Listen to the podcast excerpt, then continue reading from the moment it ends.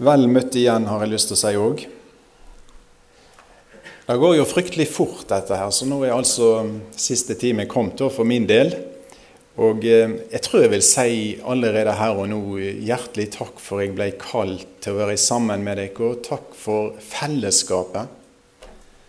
Eh, jeg syns det har vært veldig oppmuntrende, og jeg har fått, eh, fått så mange oppmuntringer. Og mange har sagt at de til og med ber for meg. Jeg er veldig takknemlig for det. Og eh, eh, kjekt å være sammen med sauebonden fra Finnøy igjen. Eh, jeg, jeg tenkte å tipse ham på at det er enklere med ti høns enn 300 sauer. Men det skal vi nå ta etterpå. Jeg har fått veldig god respons på disse sølvtrompetene, så jeg tenkte litt i dag og kanskje vi skulle lagd et sånn sølvtrompetkorps.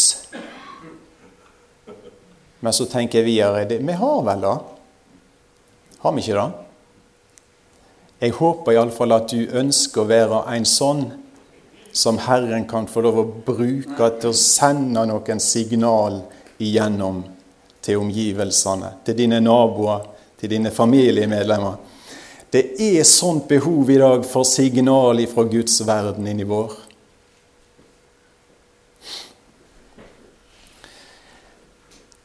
Jeg eh, skulle jo òg takke litt eh, de jeg bor i, men det hadde jeg tenkt å ta på søndag. Jeg bor jo Ragnar Ringvold, og han mente jeg burde ta det i kveld.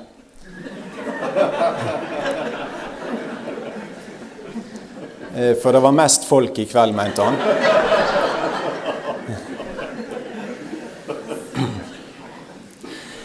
Jeg vil bare si det veldig enkelt at den nærmeste ekstremsport jeg kommer, det er å bo i Ragnar Ringvold. Så lurer jeg på om noen har hus til meg nå videre til søndag. Men jeg skal takke mer han på søndag, tror jeg. Temaet mitt eh, er òg i kveld altså da sølvtrompetene fra 4. Mosebok 10.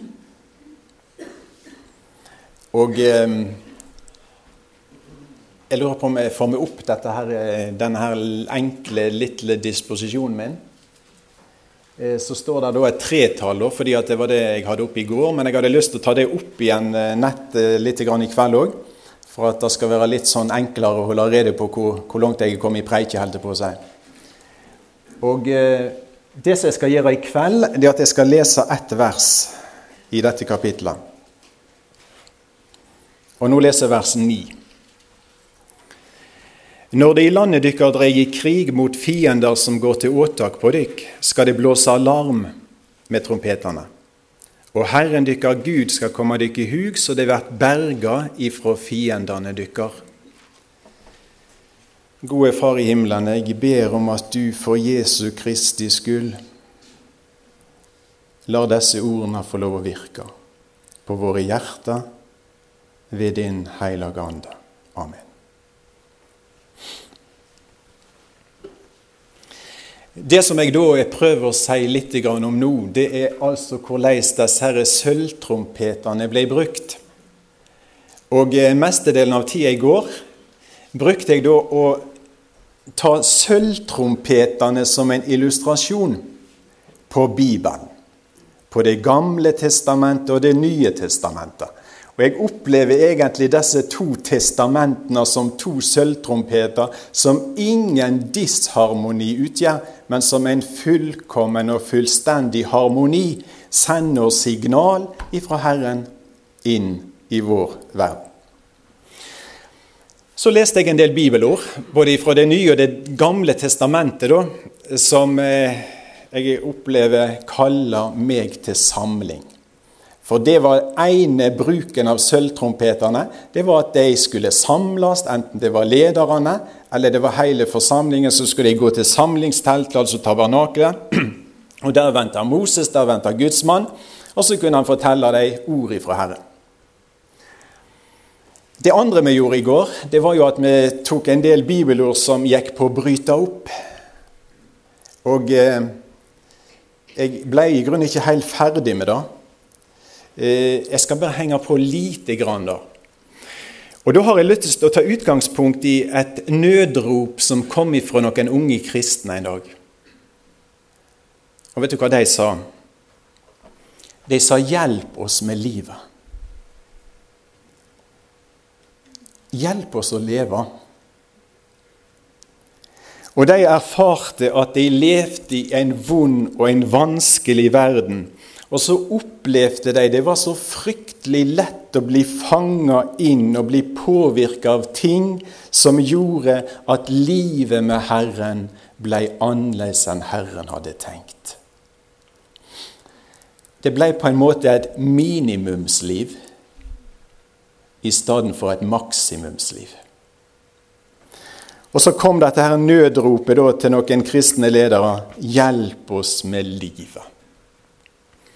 Jeg har lyst til å si igjen, for jeg kjenner litt smerte i hjertet mitt på disse tingene her. Du kan bli opptatt med feil ting, kjære kristne venn. Du kan bli fylt med feil ting. Du kan fylle deg med tomhet. Du kan fylle deg med søppel. Det er haugevis av tilbud òg til kristenfolk i Norge i dag som kommer direkte fra søppelhaugen i denne verden. Du kan leire deg på feil plass, både i forhold til Herren og i forhold til Herrens folk. Og så blir det slettest ikke et liv i overflod, men det blir et liv i ørken et liv i slit. Og hvis du er ærlig, så veit du at det var ikke sånn Herren hadde tenkt det. Noen andre unge sa, 'Hjelp oss å leve med Gud'. Hjelp oss å leve med Gud. Vet du hva jeg tror?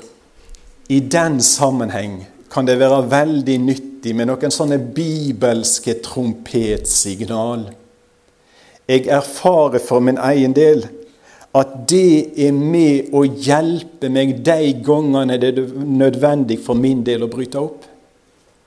Altså, De hørte noen trompetsignal, disse israelittene, og så tenker de nå skal vi videre. Nå er det vår tur. Og Så begynte de øst for tabernakelet, og så kom de tre stammene sør for tabernakelet, og så kom de tre vest, og så kom de tre nord. Signalene til dem Herren skal ha oss videre. Herren skal ha oss videre. Oppbrudd, hva er det for noe? Det er å forlate noe, det. Når de brøt opp, så, så, så, gikk de fra den ene plassen, sant? og så gikk de imot en annen. De gir opp noe for å vandre videre i Herren sin plan, slik han ville ha det. Og Jeg leste i går, men jeg har lyst til å ta det opp igjen, Salme 81 vers 14. Du har hørt et hjertesukk av og til, sant? Og Kanskje har du uttalt eller kommet med et hjertesukk av og til. Nå skal du få høre Herren sitt hjertesukk i en bestemt sammenheng. Salme 81 vers 14. Å, om mitt folk ville høyre på meg, om Israel ville vandre på mine veier. Ser du Herren Gud i himmelen, som overfor folket sitt frambringer et inderlig ønske. Å, om de ville høre, om det ville vandre på mine veier. For dette folket hadde så lett for å leire seg på feil plass. Og så står Gud der, og så ber han dem nærmest om å vandre på hans sine veier. Snart skulle jeg da kua fiendene deres og vende mi hand imot motstanderne deres. Og så står det, men jeg ville fø deg med den beste kveiten. Jeg skulle mette deg med honning ifra berget oppbrudd for å komme inn på Herren sine veier. Og Nå kjenner ikke jeg alle så her i kveld, men jeg har en følelse for at kanskje det er én, eller kanskje det er to, eller kanskje det er flere, som veit i kveld at du er ikke der som Herren hadde tenkt å ha deg. Du lever ikke i Herrens nærhet. Du lever ikke i Herrens velsignelse. Og så har jeg så lyst til å være med og sende noen sånne trompetsignaler fra himmelen som skulle være med og få deg til å bryte opp. Og få deg til å komme inn på Herren sine veier. Av og til går de på tvers av våre. men det er alltid de beste. Det er alltid de rikeste. Og Jeg kjenner en som, som gikk på den veien. Og vet du hva han sier? Nå er jeg litt inne i Johans tema, men allikevel. Herren er min hyrding, og det mangler meg bare én ting. Ja, nå flirte det. Ja, for det var feil. Det er en Ola Nordmann det, som sier det mangler meg bare én ting. Og når han har fått den tingen, så sier han det mangler meg bare én ting. Og når han får den tingen, så sier han det mangler meg bare én ting.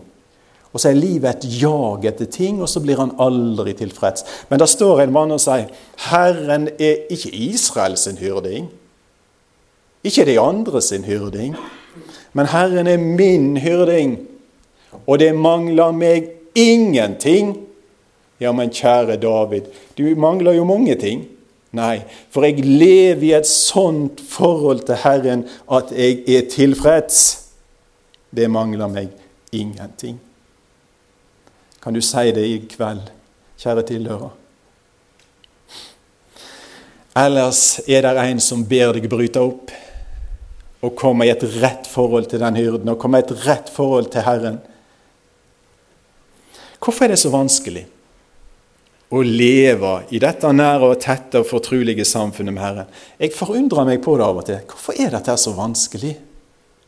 Hvorfor sliter altså Ungdommer er så herlig ærlige ofte. Altså De er kanskje litt mer frimodige enn de eldre òg. Og så sier de det er ikke, det er ikke rett med meg. Hvorfor er det så vanskelig, tenker jeg av og til. Og så må jeg bare si igjen, jeg har altså ei suveren bok som forteller meg om problemene. Bibelen er en sånn reality-bok. Altså det går sånne reality-serier. Jeg vet ikke hvor mye reality, jeg vet ikke hvor mye virkelighet det er i de seriene. Men jeg skal fortelle dere en bok som altså gir oss virkeligheten. Og det er ingen folk i denne verden som har forutsetning til å skjønne denne verden sånn som de som har en bibel. Og vi trenger ikke se ned og skamme oss pga. Skriften, for det er den bok som gir oss visdom. Og hvis de har forkasta Herrens ord, hvor har de visdommen da ifra, spør Skriften? Da er de dårer, sier Bibelen. Og Dette her er veldig vesentlig å være klar over. Og altså, hvis, du, hvis, du, skal skjønne problemene i denne verden, så må ikke du gå på universitetet, men du må gå i skrift, til Skriftene. Hvis du skal skjønne menneskene, ja, det, det, det, er godt, det, er sikkert greit å studere psykologi og alt det samme, og Gud velsigne alle som gjør det, spesielt de som lever med Gud. Men allikevel vil jeg si da, at det er ei bok som gir oss en grunnforståelse av alle problemene og selve mennesket som ingen annen bok i denne verden gir, og det er Skriften. Og det er jeg ikke flau for å løfte opp, for dette har jeg sett og skjønt litt av etter hvert og har lest i denne boka i over 30 år. Vel, Hvorfor er det så vanskelig å leve nær, å leve tett og leve fortrulig i samfunn med Herren? Og vet du hva jeg da kommer til? Da kommer jeg til punkt tre på disposisjonen min. Og Nå skal jeg ta igjen vers 9 her, i 4. Mosebok 10. 4. Mosebok 10 og vers 9. Når det i landet dykker, og da er det snakk om eh, Kanan som de kommer inn i etter hvert Det er jo så krangling om hvem sitt land dette her er. Det er ingen som spør Gud hvem sitt land det er. Men han snakker om landet deres. Når det, når, når det i landet deres dreier krig imot fiender som går til åtak på dere, skal det blåse alarm med trompetene. Og Herren dykker Gud skal komme i dere i hug, så det blir berga ifra fiendene deres. Hørte du hva som sto her? For det første så visste Gud hva som skjedde med dette folket i framtida. Altså Han sier ikke da at kanskje, muligens, når det kommer inn i landet Det kan jo hende, du vet jo aldri, men det kan jo hende det blir angrepet av fienden. Det er ikke det han sier. Ser du han som ifra begynnelsen forkynner enden? Ser du den suverene Gud som ifra først av veit i alle detaljer hva som kommer til å skje? Gud er så suveren at han skriver historier på forhånd. Og når vi mennesker skal skrive historier, så har vi svære problemer med å fortelle hva som har skjedd. Men Gud forteller før det har skjedd, hva som skjer. Og så sier han til disse folkene når de kommer inn i landet deres, så kommer de til å bli angrepet av fiender. Ikke kanskje, men det kommer til å skje. Og så sier han hva de skal gjøre da. Ja, Da skal det altså blåse i trompetene. Da skal det blåse alarm. Altså mobilisering. Og så sier han én ting til. Han sier ikke bare hva de skal gjøre, men han sier hva han skal gjøre. Når det gjør sånn som jeg sier, sier han, da skal jeg berge dere ifra fiendene deres. Hvordan gikk det? Jo, det gikk sånn at når de kom inn i dette her landet, så, så var jo farao var fjerne, Amalek var vekke, en del andre fiender hadde de nedkjempa. Men det som skjer, det er at det kommer nye fiender. Altså Det skjedde akkurat det som Gud sa, sånn som det alltid er. Og så var det fiender som angrep dem, og så var det å blåse alarm. Og Så ser jeg for meg en situasjon der israelittene kanskje ligger i teltene sine eller husene sine, og så hører de med ørene sine noe signal, og så skjønner de nå kommer fiendene. Vet du hva jeg tror det var? Det var ikke noen kjekke lyder. Jeg tror slettest ikke det var koselig. Jeg tror ikke det var noen som fryda seg og gnikka seg i hendene. Endelig kommer det fiender. Endelig det krig. Jeg tror ikke de likte den lyden. Men vet du hva? Den lyden var med og berga dem. Og ikke bare de som hørte, men kanskje familiene deres, kanskje eiendommene deres. Den der forferdelige, brutale sølvtrompetalarmlyden, han var med og berga dem fra tap og nederlag.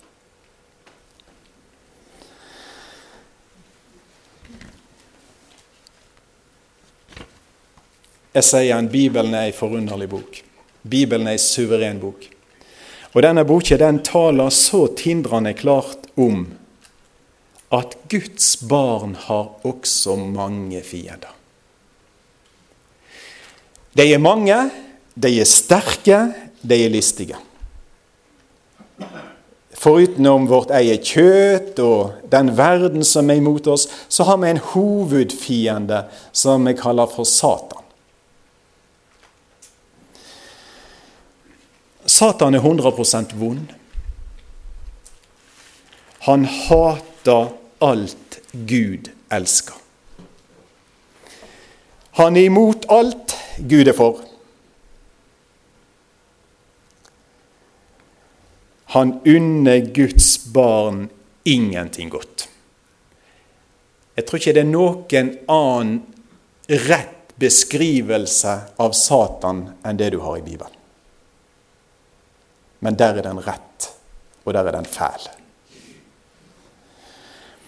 Han liker ikke folk som holder seg nær til Herren. Han kan ikke fordra folk som ber til Gud.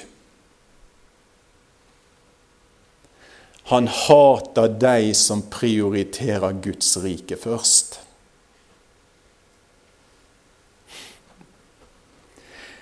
Han angriper som ei brølende løve, som en lysets engel. Han er anti-Gud, han er anti-Kristus, han er anti Den hellige ande, han er anti-Guds barn, han er anti deg, du som hører Herren til. Av og til preiker han som et udyr. Av og til er han den mest elegante og sterke predikant. Han kan preike som en engel, og han kan se sånn ut òg.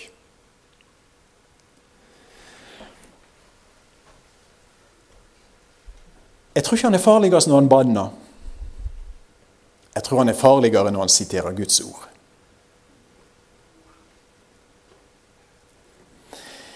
Nå skal jeg lese fra Efeserane 6.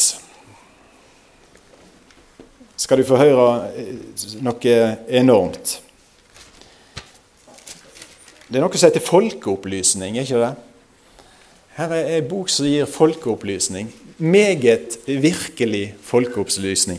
Og jeg må jo si at Når det gjelder åndens verden og disse tingene rundt oss som vi ikke ser til vanlig, så er det ingen bok som har gitt meg mer enn Efeserbrevet. Den har en forunderlig evne til å vise oss inn i den usynlige verden. Og Nå skal du høre hva som står i Efeserne 6 vers 12. Du har sikkert hørt det før, men hør igjen. For vi har ikke strid imot kjøtt og blod. Altså Det hadde på en måte Israel mange ganger. sant? Eh, det var filister, og det var amalekitter, det var hetitter og ferisitter. Jeg vet ikke hva det ikke var. Og så ser de det. Da kommer de, sant? og så kan de ta spyd eller slynge eller sverd. Og så der er de. Kjøtt og blod. Vel, sier han apostelen, vår strid er ikke sånn. Og jeg tenker jo av og til jeg Av og til har vært skikkelig forarga på folk. Spesielt disse som trakker kristendom og Jesus og alt dette ned i skiten. Og så åh, Jeg har lyst til å ta dem. Men så er det omtrent så kommer i stemmen og sier er det er ikke deg som er din egentlige fiende. Kampen din er ikke imot kjøtt og blod. Og så står det ikke punktum, altså, men nå skal jeg høre hva han sier videre. Men mot. Og så åpner han inn i den usynlige verden. Og så er det omtrent så han løfter efeserne i sine øyne og så sier han, Se der, i den verden, der er dere fiender. Og så står det men mot maktene, mot herrevelder, mot verdsens herskere i dette mørket, mot vondskapens ånde her i himmelrommet. Tak de for Guds fulle rustning på, så de kan gjøre motstand på den vonde dagen, og verta stående etter å ha vunnet over alt men altså, han gir oss noe glimt inn i den usynlige verden. Og så snakker han mellom annet om, om vondskapens åndeflokk. Nei. Her. Hva tenker du da? Det er forskjell på en flokk og en hær. Når du tenker hær, så tenker du krig. Og så står det i Feserbrevet 2 om høvdingen over maktene i lufta. Er dette realiteter for oss folk? Altså Det er en høvding som har en velorganisert hær av vonde ånder som han set inn i striden imot de kristne. Og den ufrelste er hjelpeløs i Satans makt under herredømme av høvdingen over luften sine makter. Altså Du kan jo risikere sikkert å, å, å bli hyft i fengsel etter hvert ved å forkynne sånt. Men dette her er Skriften. Og dette er Guds ord om våre fiender.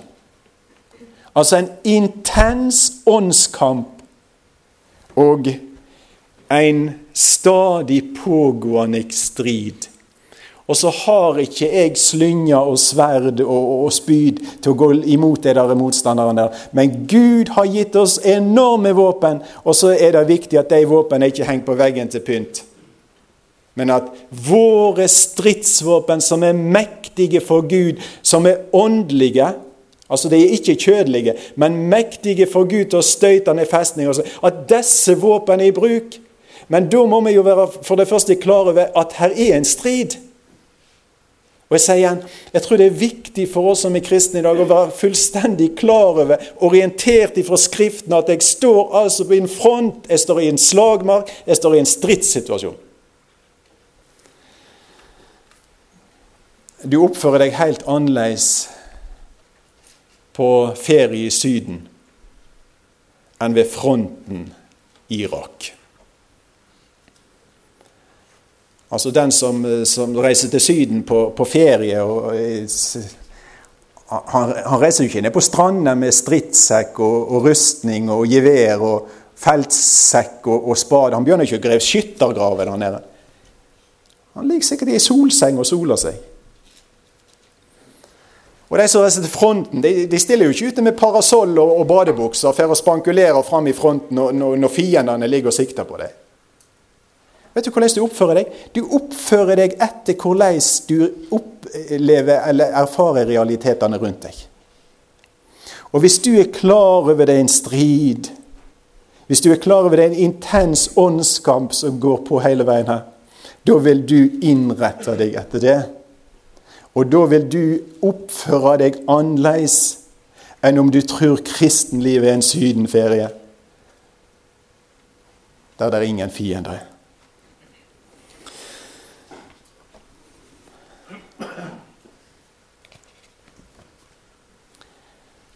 Hva skal vi si når bønnemøtene tar slutt?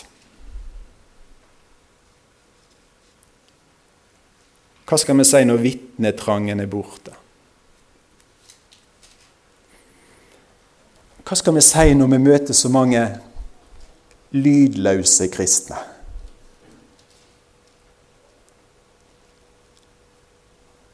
Aldri et ord om Jesus.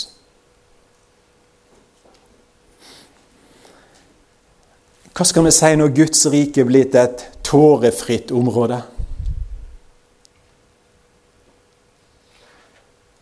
Jeg har sikkert fortalt det til noen før, men det første, det første minnet jeg har fra bedehuset hjemme i bygda mi, det var altså ingen predikanter og ingen sangere og ikke matservering engang.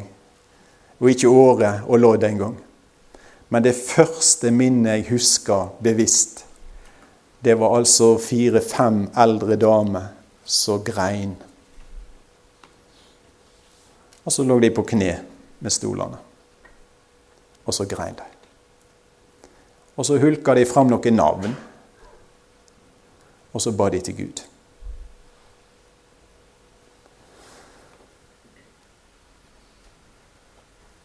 Nå, nå, er ikke jeg noe sånn eh, altså, Det er ikke om å gjøre å grine mest mulig. Det er selvsagt ikke det jeg mener. For der er vi så fryktelig ulike. Men det som jeg tenker på, det er denne smerten. Denne smerten over de som ikke kjenner Jesus. Smerten over de som går på den breie, forferdelige fortapelsesveien. Det var en som mente det at den siste generasjonen, endetidsgenerasjonen kristne kom til å bli en generasjon med tørre øyne og stive kne.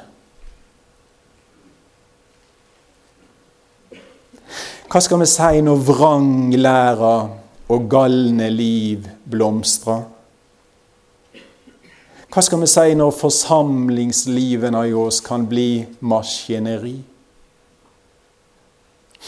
Hva skal vi si når Den hellige ande blir overflødig?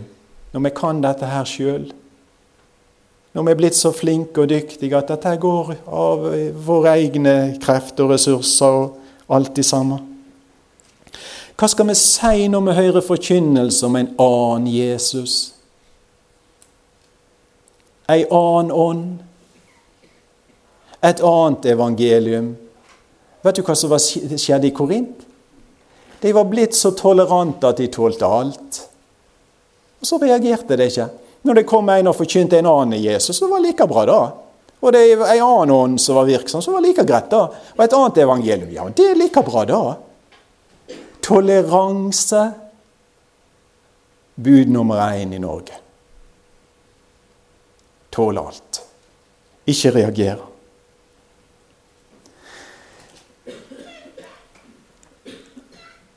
Vet du hvordan det er blitt enkelte plasser i dag? Altså, Jeg føler liksom av og til at du må spørre Når, når en sier 'jeg tror på Jesus', så må du nesten spørre ja, hva Jesus tror du på? Hva Jesus tror du på? Tror du på Han som er framstilt i Bibelen? Eller tror du på Han som framstilles i folket, og kanskje blant teologer òg, så er det sånn at han passer inn i alle sammenhenger?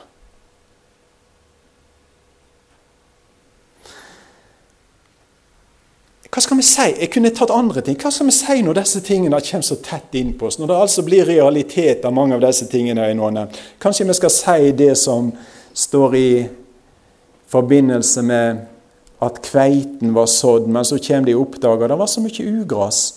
Ja, hva er det som har skjedd? Og så står det 'Dette har en fiende gjort'. Ser du Guds rike i dag? Og ser du frukter av fienden?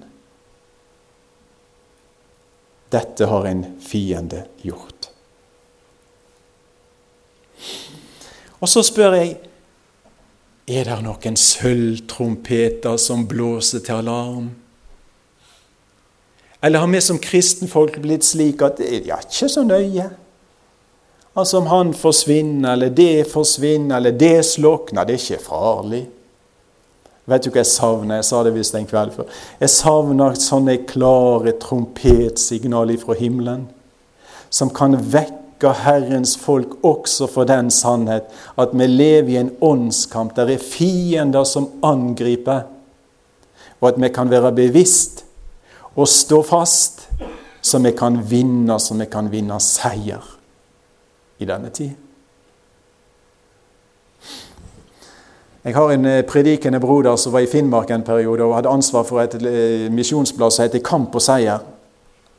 Og Så eh, var jeg litt borti og hjalp han litt i en sammenheng med det der. Og Senere spurte jeg han hvordan det gikk med dette bladet som heter Kamp og seier. Og så sier han det er mest kamp. Det er mest kamp. Og jeg har en sånn lengsel i hjertet mitt etter at vi virkelig i Guds rike kunne se langt, langt flere seirer. At vi, som det står i Salme 20, jeg vet ikke om det er vers 6, at vi langt, langt oftere kunne få løfta seiersmerket i Herrens navn. Men jeg tror det er litt viktig da å være bevisst på at det er en kamp. Og så er det litt viktig å være bevisst på at her er noen våpen som er viktige å ta i bruk. Våre stridsvåpen er ikke kjødelige, men de er mektige for Gud til å støyte ned festninger. Nå skal jeg ta noen sånne trompetsignal som har med dette å gjøre ifra noen personer i Det nye testamentet som jeg har lært mye av. Og Disse trompetsignalene de viser meg klart og tydelig to ting. Det er på en måte et mønster i det. Og Det ene er at de varsler at fiendene kommer. Og det andre er at de gir meg hjelp til å forholde meg rett og godt når fiendene kommer. Vær med meg til apostelgjerningene 20. Apostelgjerningene 20. Og så skal jeg lese fra vers 27. Eh, det er sånt eh, sterkt eh, avskjedsmøte som er skildra i dette kapitlet. når Paulus tar avskjed med de eldste fra Efesus. Han er i en by som heter Milet. Og det, det slutter sånn i vers 36 at han hadde sagt dette, bøygde han kne og ba sammen med de alle. Da brast de alle i gråt, og de falt Paulus om halsen og kysset. Kan du tenke deg for en avskjed? Å, de var så glad i denne mannen. Han hadde sikkert hjulpet deg til, til det evige livet. Han hadde forkynt Kristus for deg. Og de hadde så mye å takke denne mannen for. Så eh, her får du et flott bilde av skikkelige mannfolk som griner, altså. Og tar avskjed med en kjær bror. For de regner ikke med de så han igjen. Men se hva han sier i vers 27. Jeg har ikke holdt noe ende, men jeg har forkynt deg hele Guds råd. Der er lista lagt. Hva skal vi forkynne? Ja, det er mange oppskrifter, vet du. Men her er, her er idealet. Vi kan snakke om lov og evangelium, synd og nåde. Vi kan snakke om fortapelse og frelse. alltid. Jeg sier, Legg det enda litt høyere. Hele Guds råd. Og det er ikke gjort på ei uke. Det tar tid. Og det krever interesser. Men Paulus han hadde, han hadde gjort det. Og Så sier han så ta nå vare på deg sjølve og på hele den jorda som den heilage ande har sett deg til å være tilsynsmenn for, så det skulle vakte Guds kirkely som han vant seg med sitt eget blod. Og så sier han jeg veit. Jeg veit en ting. Jeg veit at når jeg har gått bort, skal det komme glupende ulver inn mellom dykk som ikke sparer jorda. Ja, mellom dykk sjølve skal det stå frem menn som fører falsk tale for å lokke læresvenner etter seg. Hører du trompetsignaler? En mann som reiser, en mann som tegner svarte skyer på himmelen, en mann som blåser alarm og sier 'Jeg reiser, og fiendene kjem'. De kommer utenifra, og de kommer innifra. Men klare signal. Det står i kamp, det venter dere fiender. Er alt svart?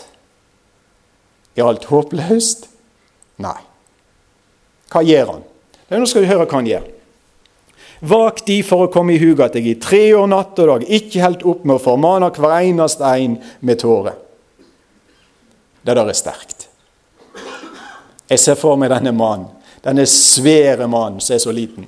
Altså Så går han fra den ene til den ene, og så formaner han deg inderlig. Jeg kan godt tenke meg han la armen rundt halsen på deg, og så så han det inn i øynene. Og så talte han til deg om de evige tingene. Og så la han deg på hjertet. Nå må, det altså, nå må ikke det bli liggende igjen på veien her. Nå, nå kommer han snart. Nå er vi snart hjemme. Og Husk hva det gjelder. Jeg vet ikke hva han sa, men kanskje gikk det litt i de gatene. Hver eneste en. Og nå, sier han Nå skal du høre hva han gjør. Altså Han, han sier fiendene kommer. Glupende ulver, og innifra dere egne midte kommer det fiender. Men nå gir jeg dere over til Gud og Hans nådeord. Han som er mektig til å oppbygge dere og gi dere arv, sammen med alle de som er helga. Fiendene kommer, men nå plasserer jeg dere på en trygg plass. I Gud og Hans nådes ord. Ser du mønsteret? Ser du leirplassen han sitter i? Og så sier han 'Hold dere der, så er det trygge'. 2. Timoteus 3.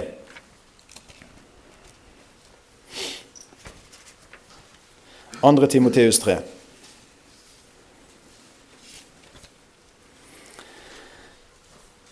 Så skriver han til Timoteus, en herlig ung medarbeider, så denne gamle mannen var så glad i. Dette prekte jeg vel om for to år siden, det hadde jeg glemt. Men eh, det, var det som var tema da. Eh, så står det Men dette skal du vite, at i de siste dagene skal det komme tunge tider. Time of stress, står det i en engelsk bibel jeg har. Vanskelige tider. Det skal komme. Det er ikke tvil om. Dette er Guds ord. Og så sier han, for mennesker skal du være. Og så maler han endetidsmennesket. Så forferdelig svart så går han å få det. Men hva fortsetter han med? Jo, Så kommer du ned i slutten på kapitlet. Men blir du værende i det du har lært, og er overbevist om, for du vet hvem du har lært av, og Helt ifra barndommen kjenner du de hellige skriftene. Og så holder han opp foran Timoteus de hellige skriftene. Og så er det omtrent så han sier det kommer trøbbel, det kommer problem, det kommer vanskeligheter, det kommer fiender. Men skriftene Timoteus skal ta vare på deg. Og så fortsetter den kapittel fire. Forkynn ordet. Ser du mønsteret? Peter, 2. Peter 2. 2. Peter 2.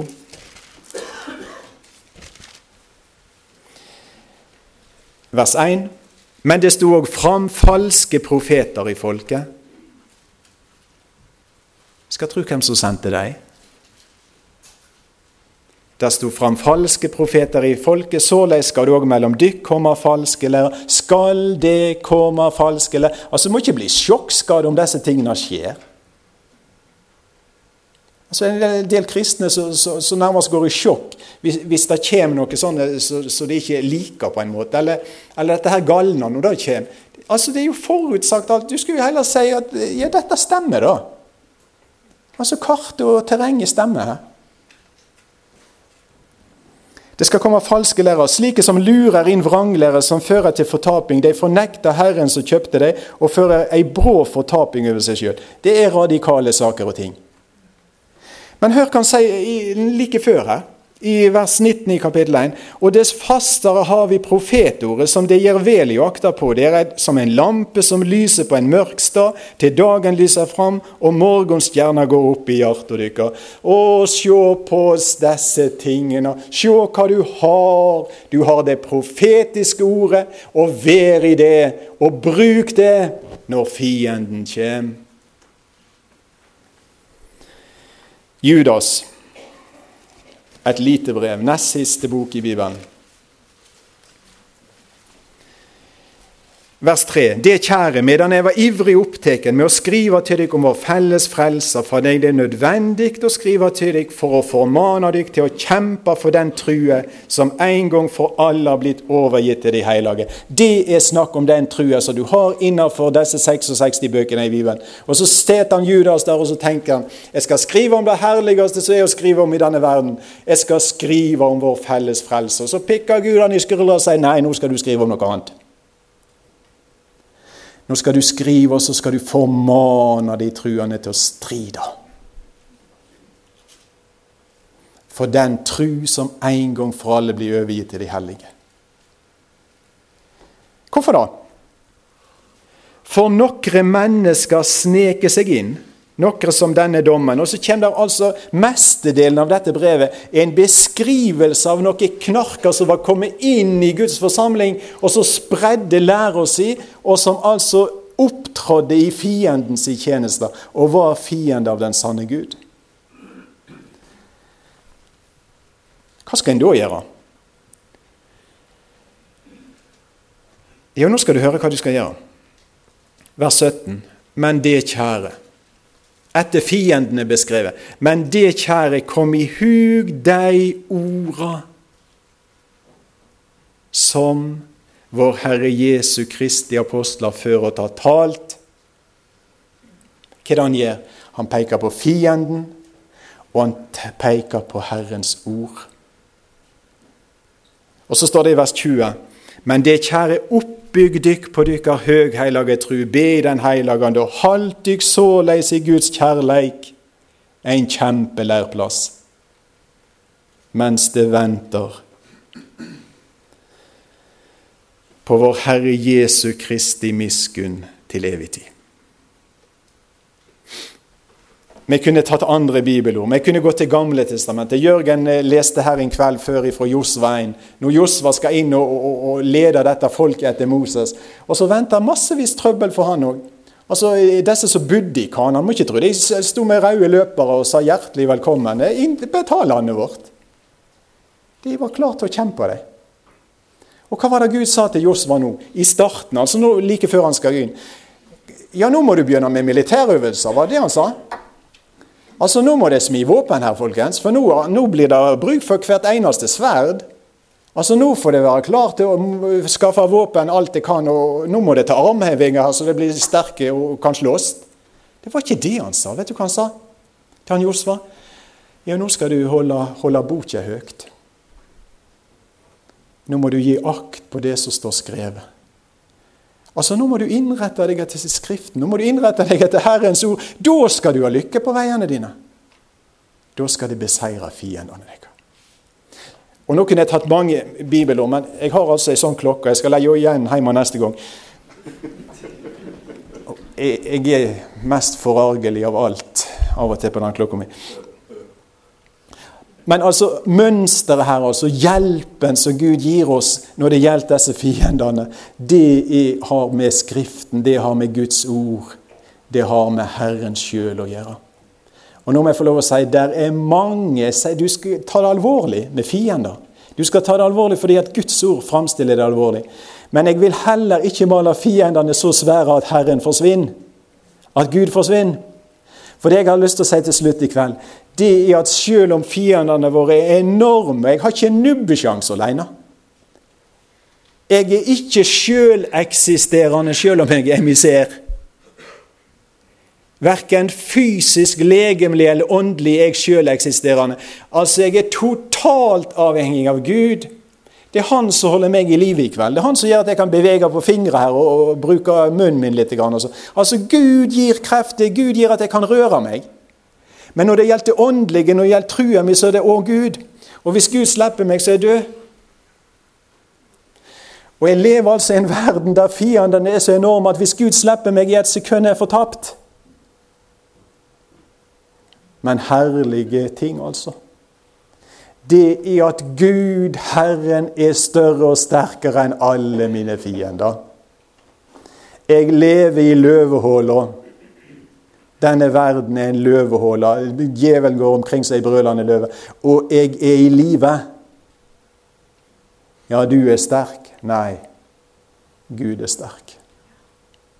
Jeg er så hjelpeløs at jeg trenger den, hjelpele, den, den hjelpeløse sin hjelper. Og han sier seieren er vår. Jeg er på seierslaget. Herlige ting.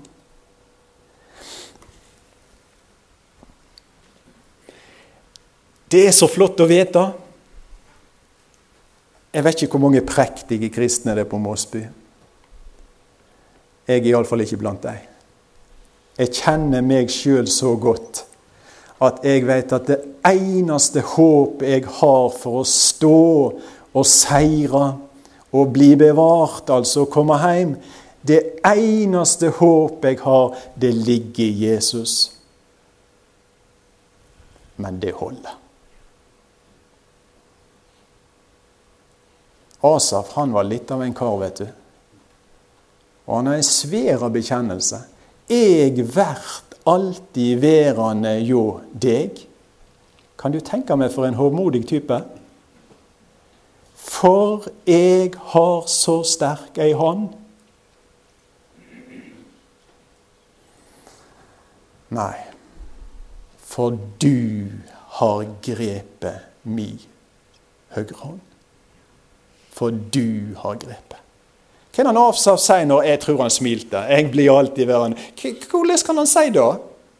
Så ser han på Herrens hånd, og så kan han bekjenne det. Rekn med fiender. Rekn med realitetene. Men så skal du regne med Han som kan beseire alle dine fiender. Men jeg tror det er viktig at vi blåser alarm. Jeg tror det er viktig at vi er klar over fiendene. Og så er det enda viktigere at jeg er klar over at jeg trenger Jesus.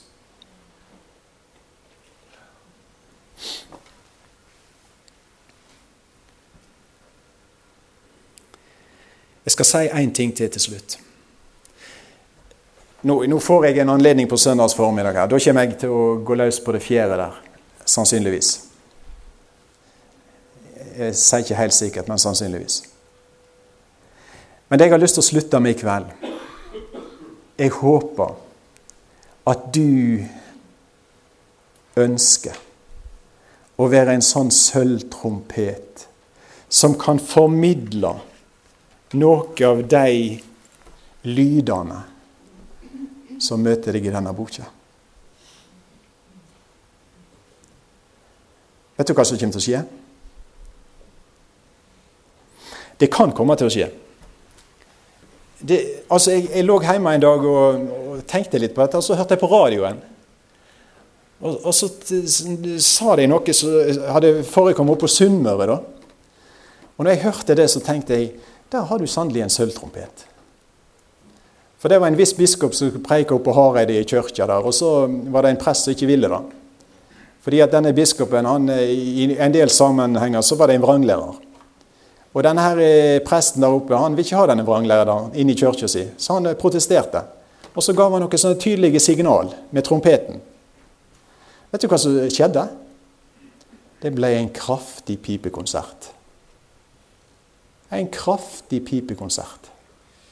Og så hivde de han til medieløvene. Vet du hva vi må risikere i framtida? Jeg tror vi må risikere å tåle pipekonserter og bli hivd til medieløvene. Hvis du vil ha klar lyd i basun, klar lyd i sølvtrompeten, så skal du få masse trøbbel. Og det er ikke urimelig at det kan komme en tid i dette landet da de som vil stå på en heil, sann bibel, kan risikere både bot og fengsel. Jeg utelukker ikke det. Der er kreft i gang i dette samfunnet som ikke tåler sånne folk. Vi har hatt det flott til nå. Men hvis du ser rundt deg i denne verden, så skal du se at det kan koste deg både eiendommer, penger, familieliv og til og med livet å sende klare signal om det som står i boka. Gud velsigne deg til å likevel si til Herren, jeg skal være med. Jeg vil legge meg i din hånd. Og så skal du få bruke meg som en sånn sølvtrompet som skal sende noe signal ut ifra den himmelske verden. Du skjønner, Hvis ikke folk får høre disse signalene, så går de fortapt. Gud velsigne deg til å være med. Far i himmelen, jeg takker deg for det vi deler sammen òg i kveld. jeg har lyst til å be deg om at du må forbarme deg over oss. La oss få lov å være redskap i de hånda. Jeg takker deg òg for at du er så tålmodig med oss så mange ganger. Du, du former, du danner, du, du gir ikke opp. Takk for meg for å være med. Og så har vi ofte uklar lyd. Og så er det ofte uklare signal som går ut ifra livene våre. Hjelp oss med disse tingene. Kjære, gode himmelske Far, at vi virkelig kan være et folk som taler klart og lever klart og viser med liv og ord at vi er takknemlige, inderlig takknemlige for frelse i Jesus Kristus. Og at vi virkelig har oppdaga det evige liv og de evige tingene. Og at vi har ei hovedinteresse i denne verden, og det er du. Herre, velsign dine venner her rikelig. Amen.